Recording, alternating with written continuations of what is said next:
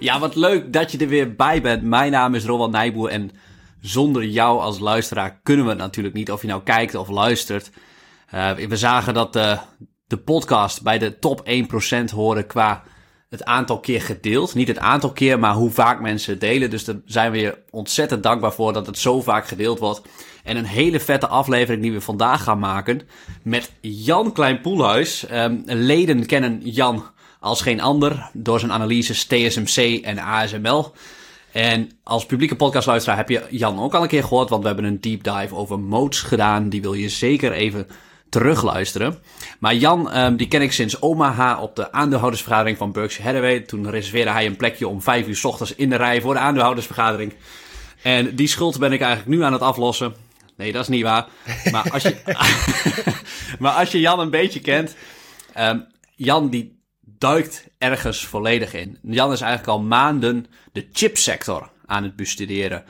En um, hij heeft recent bijvoorbeeld het boek, misschien kan je hem even alvast laten zien Jan, Chip War van de schrijver. Ik kan het niet lezen, want je hand zit ervoor. Chris Miller. Ja, en je hebt echt genoten van dat boek. En daarnaast heb je heel veel desk research gedaan. Dus ik denk dat jij misschien wel degene bent die de chipsector in Nederland het beste kent vanuit het beleggingsperspectief. Misschien niet alle technische, want die achtergrond heb je geloof ik niet. Maar alhoewel je daar diep voor gaat.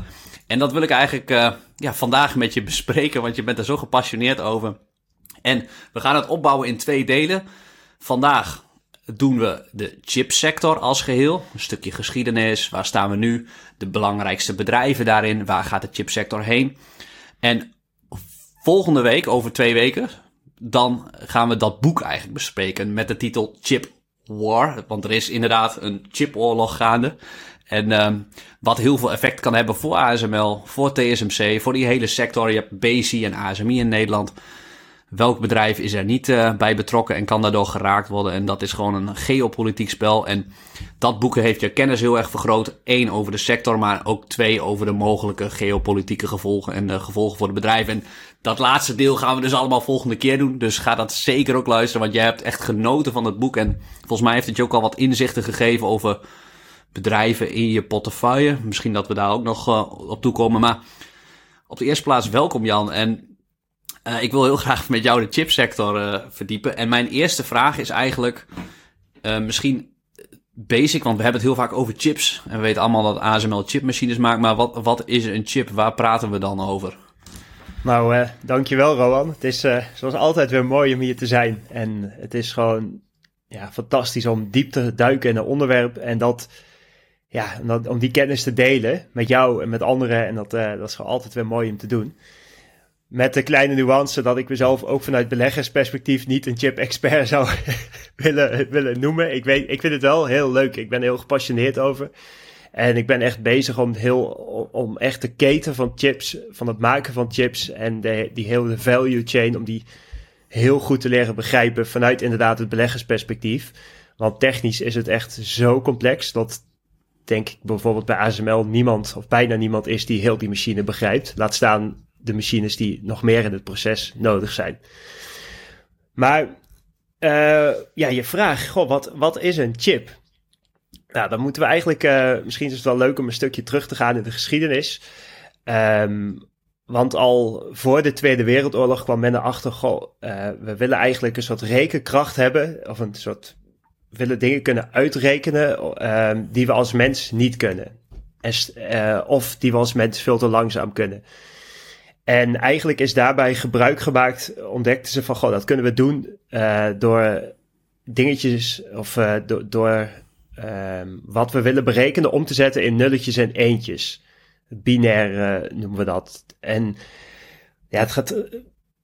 Ik ga het ook nog even mijn voorstellingsvermogen te boven. Maar ze hebben toen bedacht van goh, als we heel veel, als je moet even voorstellen, heel veel lampjes achter elkaar zetten. En die kunnen we aan en uitzetten. Dan, dan zorgt die lamp die aan of uit kan, die, die staat eigenlijk symbool voor een nul of een eentje. En uh, zo hebben ze gewoon ja, duizenden lampen aan elkaar geknoopt, zeg maar. En, en, en daar zijn berekeningen mee, uh, daarmee konden berekeningen worden uitgevoerd. En dat was eigenlijk, um, ja, hoe, hoe, hoe de chip, of niet de chip, maar hoe eigenlijk, uh, ja, het begin van de rekenkracht zoals we die nu kennen. En dit is eigenlijk allemaal al voor, of rond de Eerste, Tweede Wereldoorlog moet ik zeggen, gebeurd. En wat wel leuk is, mensen kennen denk ik wel een bug wat we nu kennen als er een foutje zit in software of iets dergelijks. Dat heeft ook een letterlijke betekenis, want die lampen die werden gebruikt, die trokken letterlijk muggen aan. En die werden warm en die gaven licht, dus daar kwamen heel veel bugs op. Dus het debuggen betekent eigenlijk het, ja, vanuit oudsher letterlijk muggen en ongedierte verwijderen van die, ja, beginnende computers, om het zo maar even te zeggen. Juist. Ja. ja. Um, maar uiteindelijk, die computers waren nog niet zo heel uh, krachtig. En William Shockley, die werkte toen bij uh, Bell Labs. Uh, ik heb even een papiertje naast me met ik wat dingen heb opgeschreven. Dus ik kijk even wat naar links. Die had eigenlijk bedacht van, goh, die lamp, ja, als we dat ooit willen opschalen, ik zie trouwens een bug uh, voor jou langs vliegen. Klopt, ja. nee, uh, die, die William Shockley die bedacht van... Goh, als wij dit uh, zouden willen op een grotere schaal willen uitvoeren... dan zijn die lampen eigenlijk helemaal niet betrouwbaar.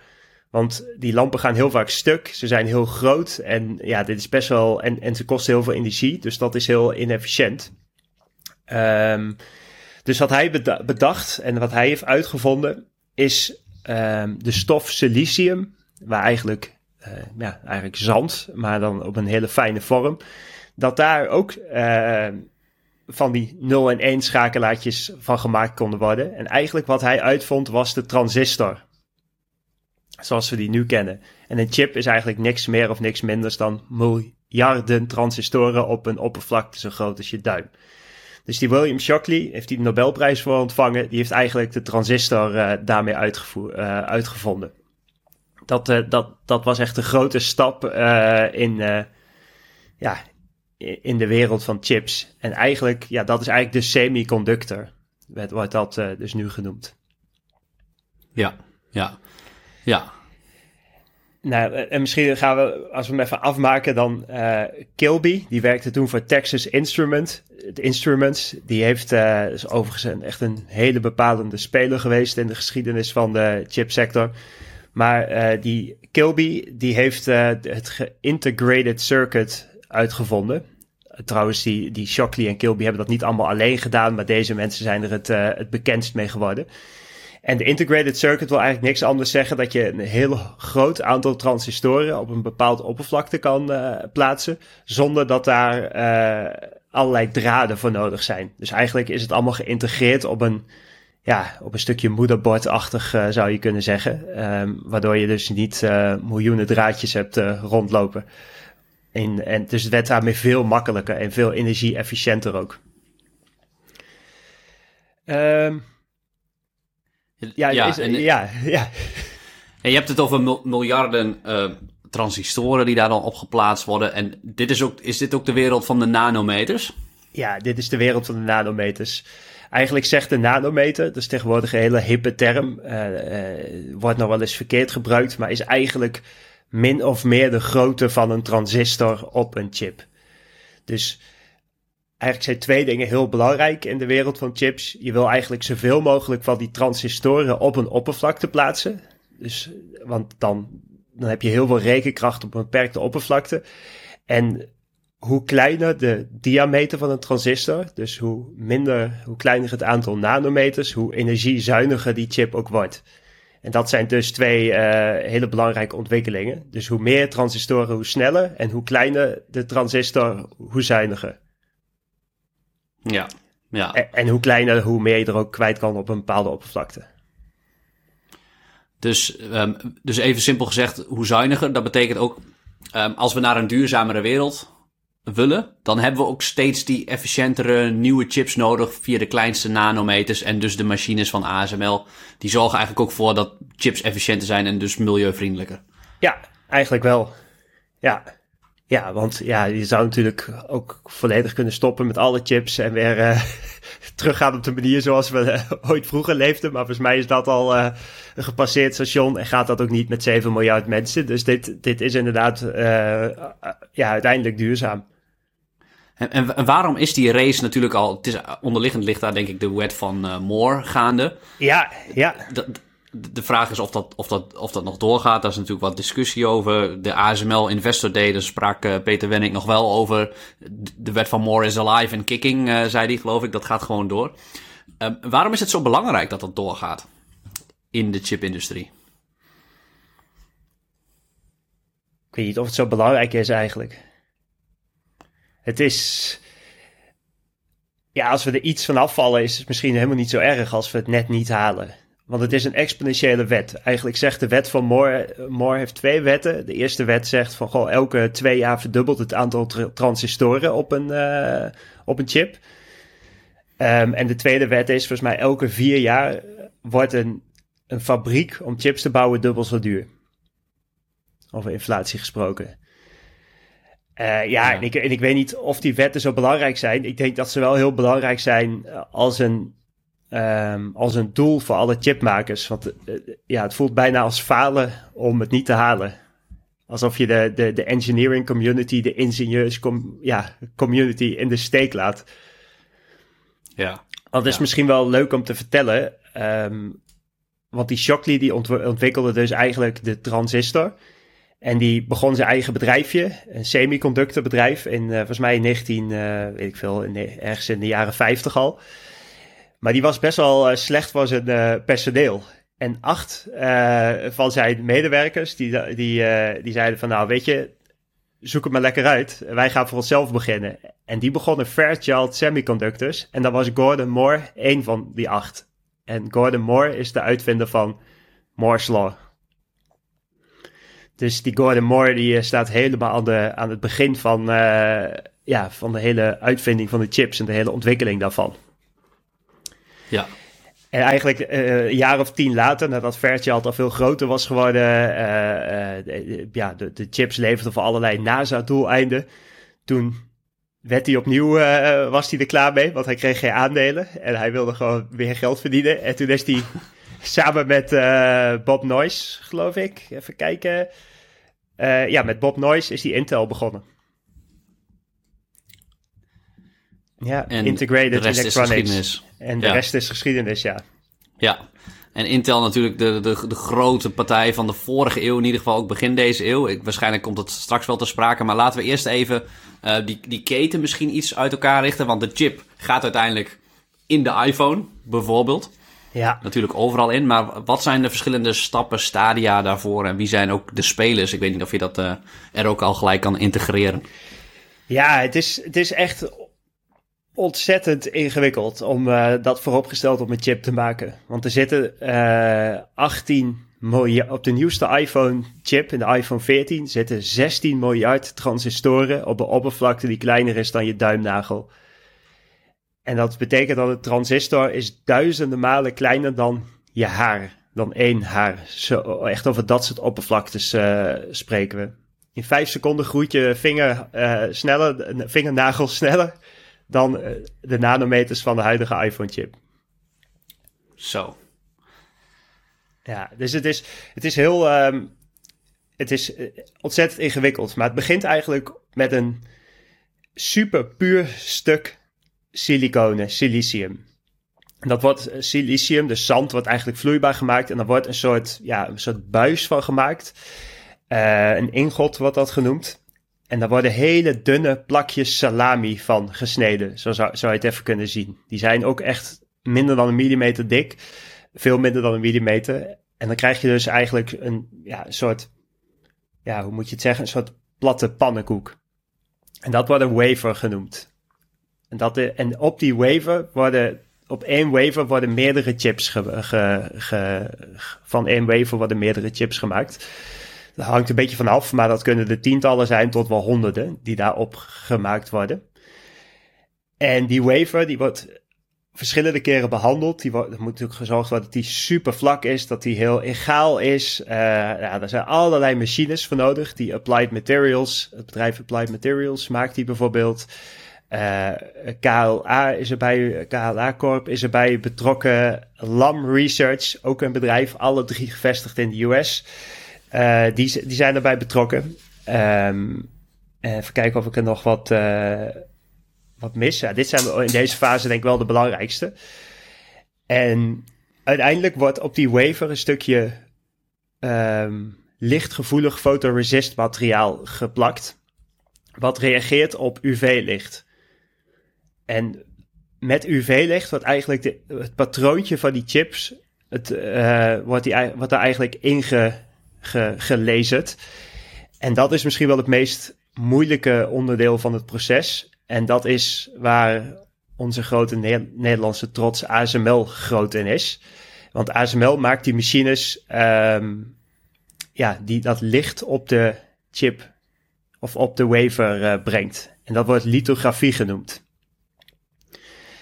En dat is, ja, misschien is het wel leuk om even iets langer bij dat, uh, bij dat uh, stapje te, stil te staan. Want dat is, dat is echt fascinerend hoe dat gebeurt en wat, welke techniek daarvoor nodig is. Top. Ja. Nou, uiteindelijk het begin, lang geleden ontdekten ze dat um, als je fotografeert, dan heb je een lens en daar kijk je doorheen en dan wordt iets wat klein is, wordt eigenlijk groter. Een, gewoon een zoomlens, net als op je iPhone. En ik weet niet meer wie het bedacht, maar die dacht veel, als we andersom doen, dan wordt iets wat groot is, kunnen we ook kleiner maken. Dus zo uh, zijn ze eigenlijk tot de, tot de ontdekking gekomen dat ze dat een chippatroon kunnen ontwerpen. En die met een soort mask daar licht doorheen schieten dat door die lenzen knallen en dat iets wat groter is, wordt dan eigenlijk kleiner. En zo kun je door allerlei lenzen en met uh, laserlicht, dat door allerlei, uh, nou ja, door allerlei handelingen op uit te voeren, kun je dus uh, op een heel klein oppervlakte een patroontje, uh, ja, hoe moet je dat zeggen, inschieten. En dat is wat de ASML-machines doen. En dat gebeurt met een 13,5 nanometer lichtbron. Die wordt gemaakt door het bedrijf Cymer in, uh, in de Verenigde Staten. Volgens mij zit ze in San Diego. En die laser is zo ingewikkeld dat voor die laser alleen al meer dan 400.000 onderdelen nodig zijn om die te maken. 400.000 onderdelen. voor een onderdeel eigenlijk van de machine. Ja, ja. En die laser die schiet uh, dan vervolgens twee keer, uh, die schiet tegen een druppeltje gesmolten tin aan. Wat, weet ik veel, met 150 km per uur ergens in een vacuümkamer wordt geschoten. en uh, dat druppeltje tin, dat explodeert eigenlijk tot een soort pannenkoek. Vervolgens schiet diezelfde laser nog een keer een, ehm, een laserbeam door die tinpannenkoek. En dan ontstaat er een soort plasma. En die plasma die wordt via allerlei spiegels en lenzen uh, heen en weer geknald totdat hij uiteindelijk de chip raakt.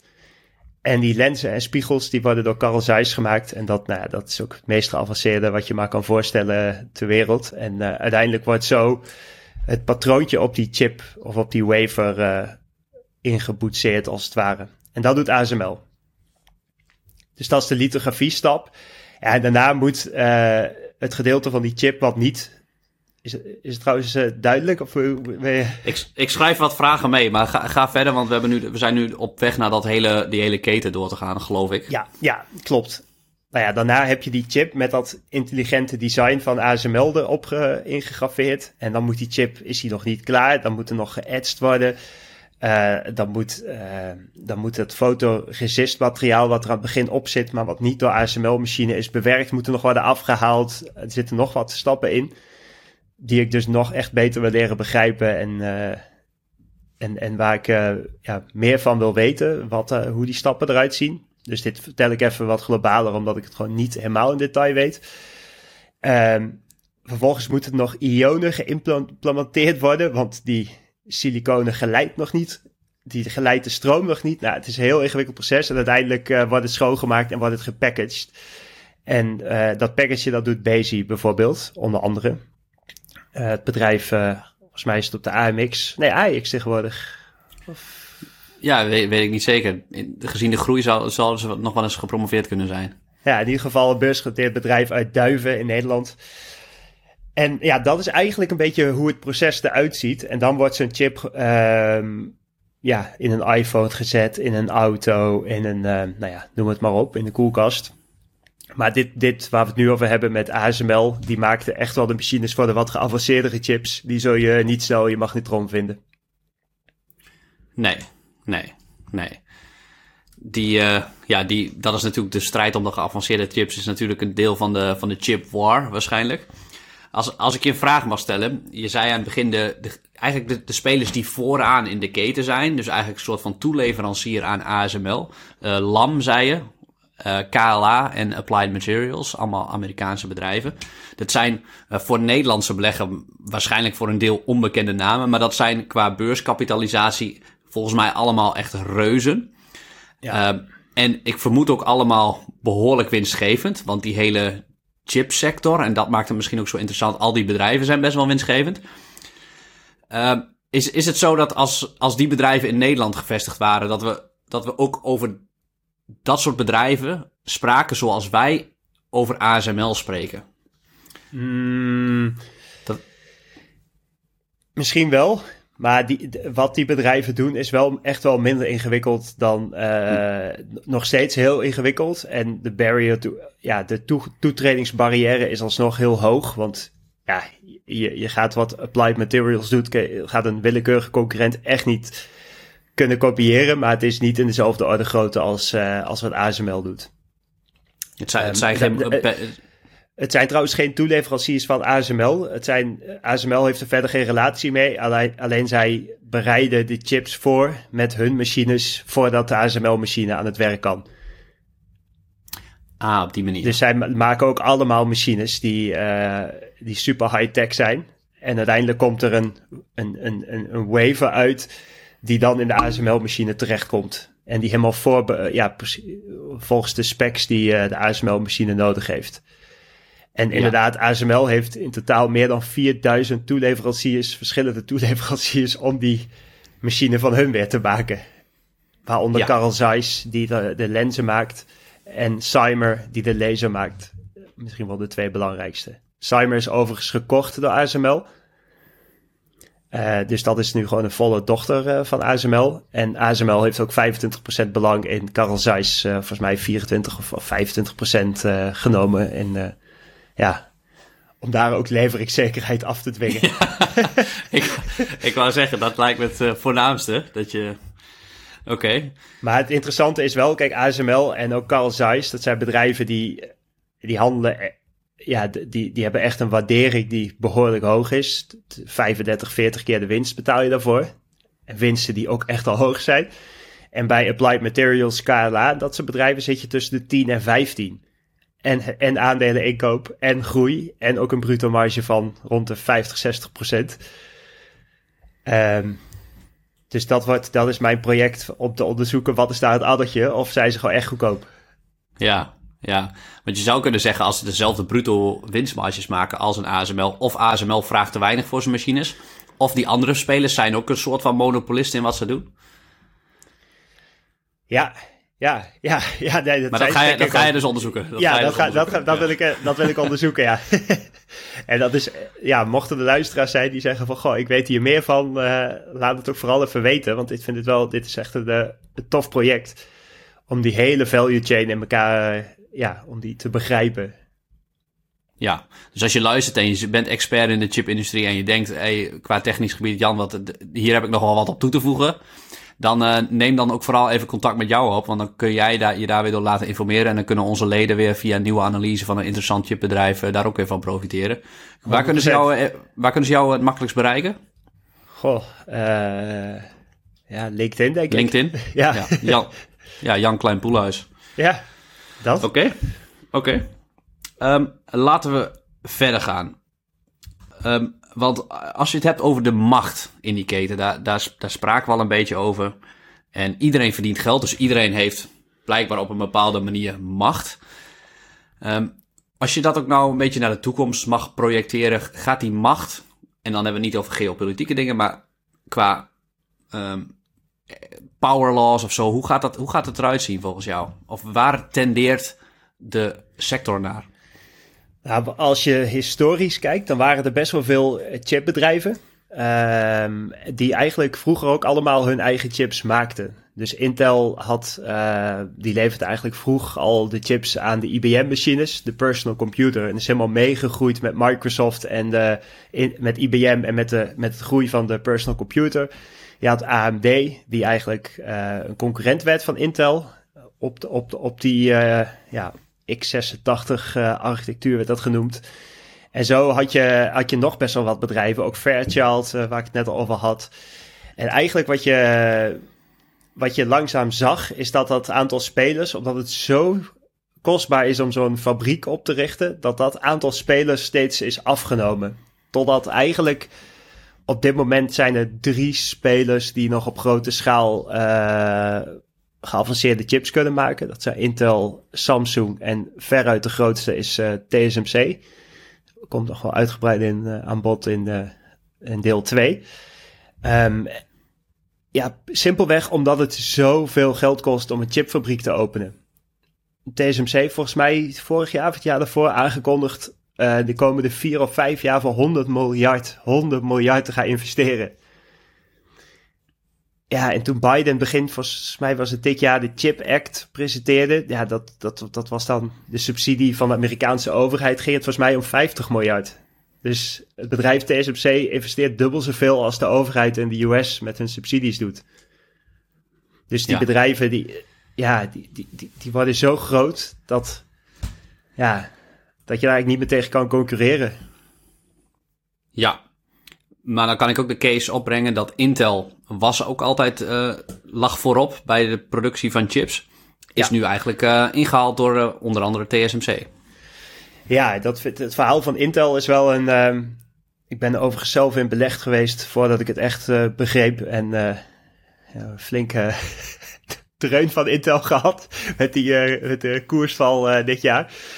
Maar Intel heeft, um, is meegegroeid met, met Windows, met de opkomst van de personal computer. En Intel heeft 100% ingezet op, um, ja, je moet op de x86 architectuur. Dat is een bepaalde instructieset hoe een processor berekeningen moet uitvoeren.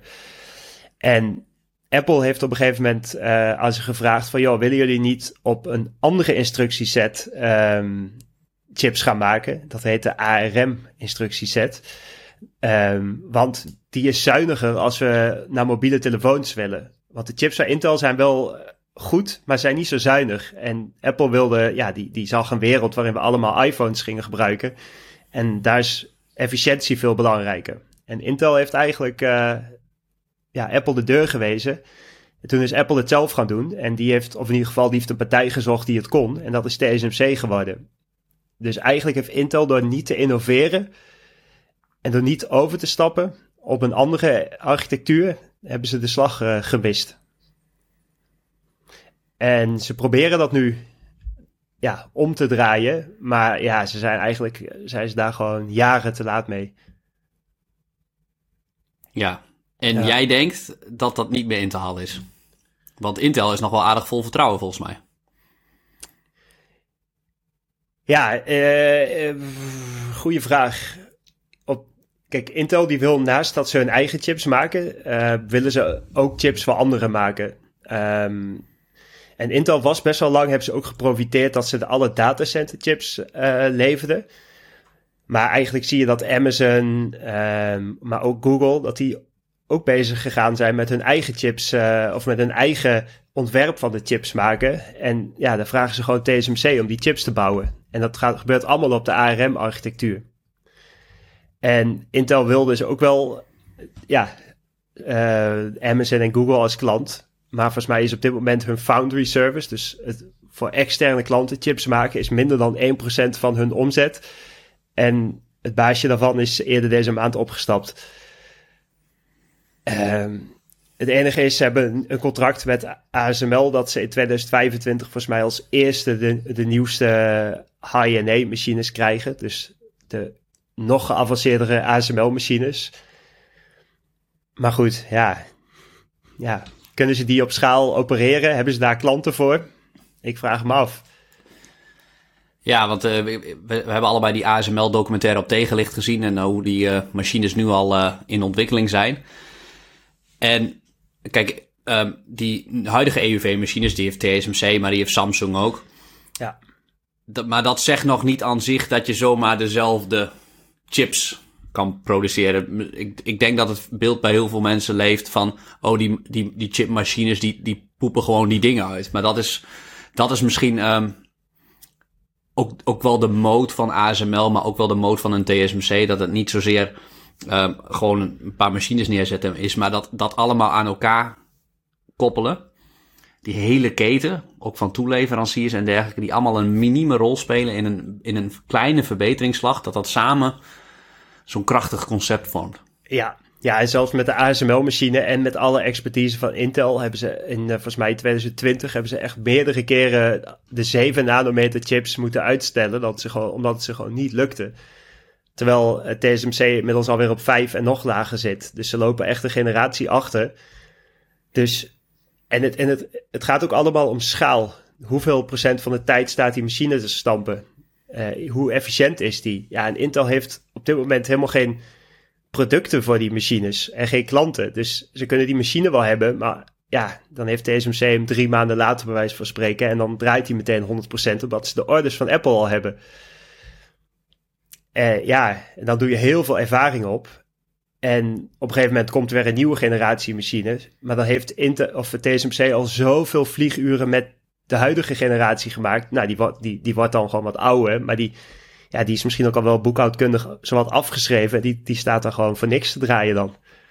Ja, ja. Dan, ja, daar kun je gewoon bijna, bijna niet tegenop. Ja, en dat is natuurlijk wel.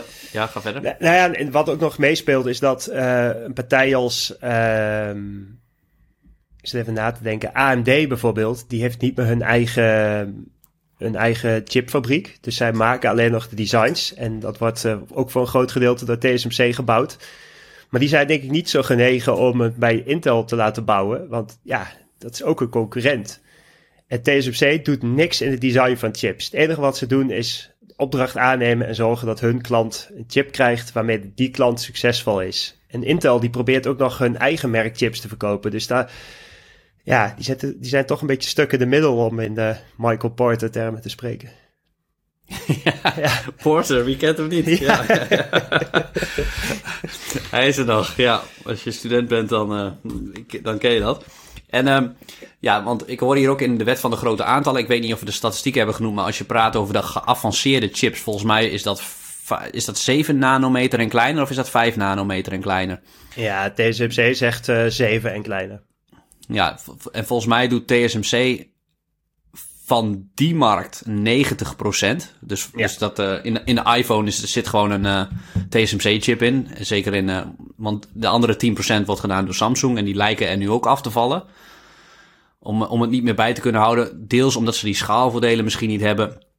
En deels ook gewoon omdat ja, ze kunnen daarin qua die efficiency, die bezetting van die fabrieken, daar kun je gewoon haast niet in mee als je af en toe één klant hebt die, die wat laat doen. En nu gaan alle, uh, volgens mij de Amazons, de Alphabets noemde je, de Apples van deze wereld, die laten alle, die ontwerpen hem zelf en die laten het maken door TSMC. Dat is volgens mij de standaardroute nu in die wereld, klopt dat? Ja, ja dat is de standaardroute inderdaad. En volgens mij had Qualcomm hun Snapdragon chips, die voor uh, Android telefoons uh, veel wordt gebruikt, die wordt voor een deel bij Samsung en voor een deel bij TSMC gebouwd.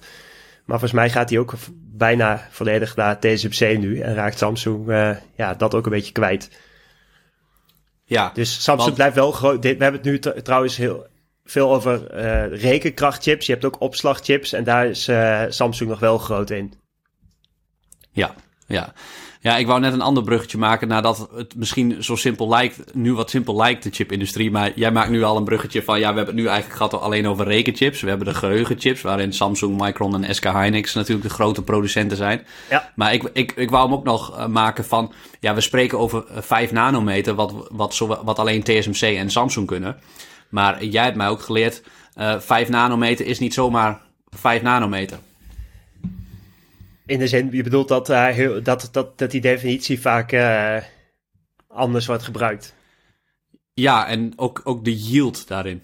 Ja, precies. Dat uh, niet iedere. Volgens mij heeft Samsung best wel wat problemen gehad om als je zo'n wafer hebt met 300 chips. daarop, die, nou, dat, dat ook best wel een groot gedeelte daarvan kapot is. En bij TSMC, ja, die, die kunnen dat gewoon, is die uitval heel laag. En wat trouwens ook nog wel, in een iPhone zit er echt zitten heel veel chips. Er zit een camera chip in, een, een Bluetooth chip, een wifi chip en noem het allemaal op. En dat, die hoeven echt niet allemaal op de, op de kleinste nanometers te zijn. Dus we spreken nu echt even over, de, over de, het topje van de ijsberg. Maar ik durf te zeggen dat er in een Tesla ja, ik weet niet, misschien zit het wel, uh, je zou het even moeten googlen, maar misschien wel 100 chips in, misschien wel meer. En dat uh, denk ik, nul de, de snelste nanometer of de kleinste nanometer uh, betreft. Nee, nee. Dus, dus er is, eh, ondanks dat TSMC misschien monopolist is in, in de geavanceerde chips, is er ook nog een heel groot deel van de markt wat China bijvoorbeeld prima kan doen, omdat dat gewoon simpele chips zijn. Ja, nu heb je voor die simpele chips ook wel vaak weer de machines nodig uh, van de bedrijven, van die Amerikaanse en Nederlandse eh, bedrijven. Dus is dat niet zo heel uh, makkelijk voor China om dat te gaan doen? Nee. Deel 2. Dat is ook inderdaad een bruggetje naar deel 2. En, en, mijn vraag was ook eigenlijk, ik weet niet of je daar nog op wil reageren, maar mijn vraag is ook van uh, Buffett in TSMC ja. toch wel een uh, miljardenpositie. Dus het lijkt niet dat de luitenanten Ted of Tot dat hebben gedaan. En Buffett heeft altijd gezegd... Uh, Mooi, ja, hij is altijd mij, de, de luitenanten doet. Zo, ja. En uh, ja, Buffett heeft volgens mij pas sinds dat hij aandelen Apple heeft een iPhone. Uh, ja. Überhaupt een, een, telefoon. Of mij had waarschijnlijk wel een zaktelefoon, maar ja, hij heeft altijd gezegd: ik doe niet aan technologie. Toen vond de hele beleggerswereld zijn investering, uh, zijn, zijn, zijn, eh, zijn heldeninvestering in Apple, vond iedereen heel veel verrassend. En toen zei hij eigenlijk: ja, dat is, een, dat is eigenlijk een consumentenbedrijf. Dat is geen technologie. Ik blijf er eigenlijk nog steeds bij weg. Maar TSMC is toch wel, uh, is toch wel technologie. Wat, wat ziet hij wat, wat wij niet zien? Ja, het is speculeren, maar het zou me niks verbazen als hij dat boek Chip War heeft gelezen. Of Munger. Of Ted of Tot. Want ik denk dat het spel voor hem nu uh, begrijpelijk is geworden. Dat de power plays en de power loss, dat, dat het eigenlijk. Ja, dat, dat, dat, dat, dat, hij, uh, het niet, dat hij geen Excel meer nodig heeft om dit te bedenken, maar dat hij gewoon ziet wat er aan de gang is en wel, dat het een trend is die niet meer om te keren is.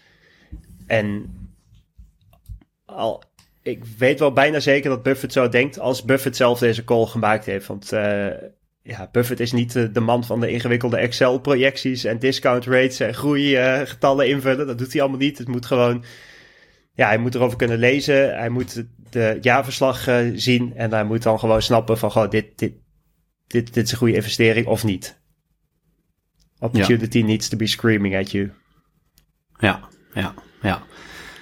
Opportunity needs to be screaming at you. En ik, ik denk, ja, misschien ook wel uh, heeft Tim Cook hem wat geholpen.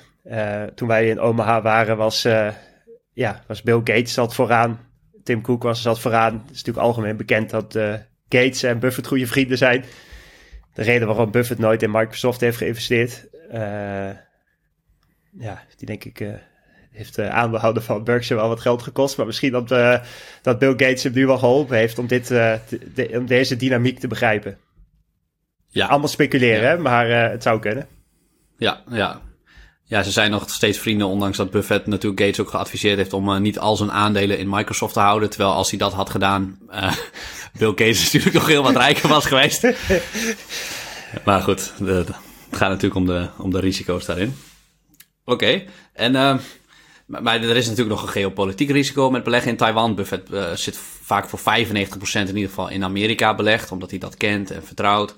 Ik, uh, ja, het is een van de laatste aandelen die ik persoonlijk had verwacht, uh, waarin hij zou beleggen. Ook omdat het, het businessmodel van TSMC uh, is zo, wat jij zegt, ze moeten die fabrieken bouwen en die gaan pas, dat, dat kost eerst cash en later komt de cash pas binnen. Waardoor, als je het hebt over de cash conversie, dus hoeveel van de winst wordt er daadwerkelijk in cash omgezet, ja, dat is, dat is misschien maar de helft. En ja, als je dan daardoor gaat waarderen op basis van koers-winstverhouding, dan lijkt het aandeel heel goedkoop in combinatie met de groei die je krijgt. Ja. Uh, maar Buffett, die kijkt, die, kijkt, die kijkt daar natuurlijk naar. Die heeft dat, die heeft dat door. Hoeveel, die kijkt naar de, naar de kaststromen daarin. En dan ja, valt het misschien met de waardering nog wel mee in combinatie met de risico's die je hebt. En ik, ik weet niet of hij geopolitiek een uh, speciaal inzicht heeft. Daar gaan we natuurlijk volgende week over hebben. Maar ik, het, het, het verbaasde me. Ja, ik denk dat Buffett, uh, hij is best wel bekend dat hij een uitspraak heeft gedaan van uh, bij Geico, een autoverzekeraar, was op een gegeven moment bekend hoeveel geld er ging naar Google. Ehm, en dat, uh, dat, dat ze allemaal dachten, goh, wat is dit een bedrijf? We kunnen er niet omheen. We betalen zoveel geld aan. Aan. Wat een mooi bedrijf. En ze hebben niks gedaan, Buffett en Munger. Ze hebben geen positie genomen. En dat, dat nemen ze zichzelf echt kwalijk. En ik denk dat Buffett met zijn enorme positie Apple nu ook wel zoiets heeft van, goh, hoeveel geld gaat wel niet naar TSMC? Misschien ja. is het, ja, dat, van goh, wat is dat nou voor bedrijf? Laten we daar eens naar kijken. Want, en dat hij Tim Cook heeft gevraagd, is er geen concurrent? En dat Cook heeft gezegd, nee, niet in de buurt. ja. Ja. ja je, hebt, je hebt natuurlijk niet zoveel monopolies in. De, die zijn er gewoon niet zoveel. En dit, dit, dit is, er, is er wel één, denk ik. Althans voor de geavanceerde chips. En dat maakt het misschien zo aantrekkelijk. En de iPhone in, in Amerika lijkt ook een monopolie te gaan worden. Daar wordt Android helemaal weggedrukt. Ja, ja. Ja, de, het is leuk om de aandeelhoudersvergaderingen van Berkshire van 2000 uh, eh, terug te luisteren. En dan alle kritiek dat hij er niks van begreep en waarom hij niet in tech zat en zo. Nou ja, het is wel, uh, het is wel opmerkelijk als je dat nu naar Berkshire kijkt. En uh, ja, knap gedaan. Ja, ja echt, uh, echt respect. Gaan we, gaan, we, gaan we toch weer over onze voorliefde Buffett hebben, hè, Roel?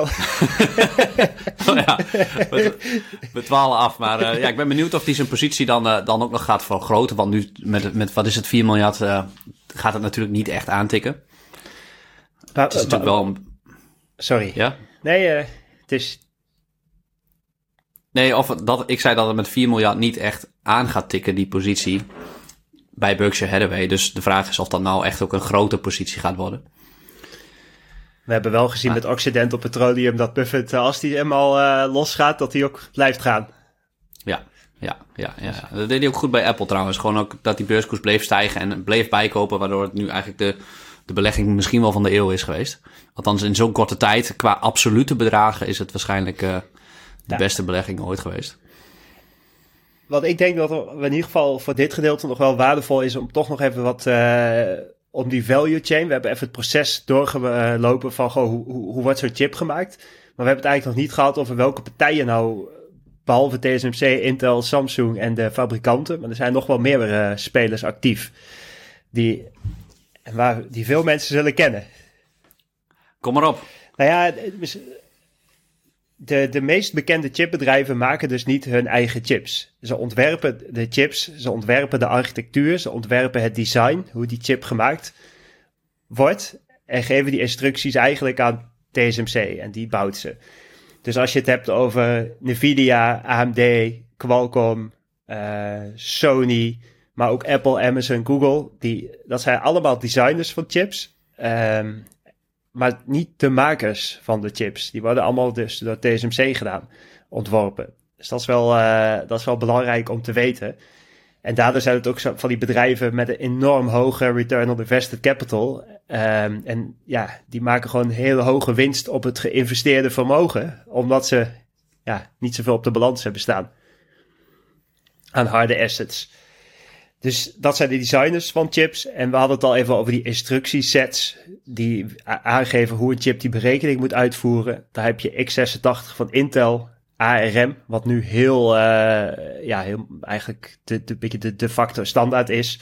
En RISC, dat is een opkomend open source alternatief. Uh, waar China ook met name mee aan het experimenteren is. Omdat ARM en Intel, ja, dat, dat, is van westerse landen, dus dat kunnen ze ooit, uh, mocht het Westen dat willen, ja, de toegang to, uh, tot China daartoe ontzeggen. Dus dat zijn uh, eigenlijk een beetje de, de, ja, de drie grote talen waarin gewerkt wordt, als je het hebt over chips. En dan heb je de foundries, hadden we TSMC, Intel, Samsung. En je hebt ook nog Global Foundries, afsplitsing van AMD ooit geweest. Uh, en SMIC, SMIC in, uh, in China. Maar die, ja, die, dat zijn toch wel echt uh, met respect een stuk kleinere spelers. En, en, en die fabrikanten van machines, die hebben we grotendeels al, al even besproken. Ja, ja. Waarbij okay. je trouwens ook ziet Applied Materials en Tokyo Electron. Die maken en behandelen dus die wafers voordat de ASML-machines aan de slag gaan. Die, uh, die wilden in 2015 fuseren. En dat is afgekeurd door de toezichthouder uh, Dat is niet toegestaan in de US. Dus dan zie je ook dat die consolidatie uh, steeds verder, uh, verder gaat. Ja, wie, wie, wie wou er nou ARM kopen? Softbank. Nee, Softbank wil het verkopen, toch? En Nvidia wilde ARM kopen. Ah, dat is het, ja. Ja, ja. ja en Softbank, dat mocht niet, maar Softbank gaat het nu waarschijnlijk naar de beurs brengen. Aankomend jaar in uh, 2023. Ben wel benieuwd hoe die financials eruit zien. Ja, ja, ja. Ja. Jan, heb, ik nog iets uh, vergeten te vragen? Ik, ik weet dat jij nog boordevol met verhalen zit. Er staat me nog zo'n verhaal bij van uh, uh, Carl Zeiss, dus de toeleverancier van ASML, over een, een dansvloer die wel heel erg vlak is, als het ware. Ja, dat, dat ging over die spiegel die ze voor de EUV-machines voor ASML maakten. En als je die spiegel zou uitvergroten tot de oppervlakte van Duitsland, dan zou het, uh, het hoogteverschil in die spiegel, dus uh, ja, het hoogste en laagste punt van die spiegel, om het zo maar even te zeggen, zou minder dan 1 mm zijn. En die, uh, en die Cymer laser, dat is ook nog zo'n verhaaltje, die, ehm, als je een appel op de maan zou leggen, dan is die laser van Cymer zo nauwkeurig dat hij vanaf de aarde gewoon die appel door midden schiet op de maan. Juist. ja, ik, eh, ik ben wat dat betreft een nerd en ik vind het echt geweldig, dit soort feitjes. Want het, het gaat je voorstellingsvermogen gewoon te boven. Ja, ja, ja, ja. Geniaal. Ja, Geniaal. Bizar. Is het tot slot nog iets, anders gaan we gewoon lekker afsluiten. En dan gaan we uitkijken naar volgende week. Het, het geopolitieke deel. Misschien wel, een misschien wel een beetje speculeren over, over wat we verwachten. Nee, ik, heb, uh, ik denk dat dit het wel was. Het is ongetwijfeld nog heel veel meer, maar dat uh, ja. voor later.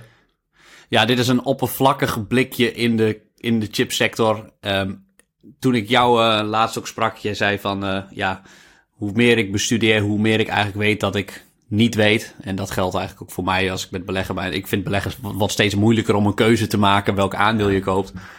En uh, dat, zo zal dat ook ongetwijfeld werken voor de, voor de chipsector. Maar uh, hartstikke bedankt dat je hier een uh, heel mooi inkijkje in hebt gegeven. En als mensen jou willen volgen of informatie hebben over de chipsector, Jan Klein Poelhuis op LinkedIn. En als je een keer trouwens ook als luisteraar een leuke gast weet, die zeker een keer bij ons moet aanschuiven. We hebben, we hebben nog een andere gast die een keer langskomt over regulatie in de techsector. Een advocaat is dat, een anti-mededingingsexpert.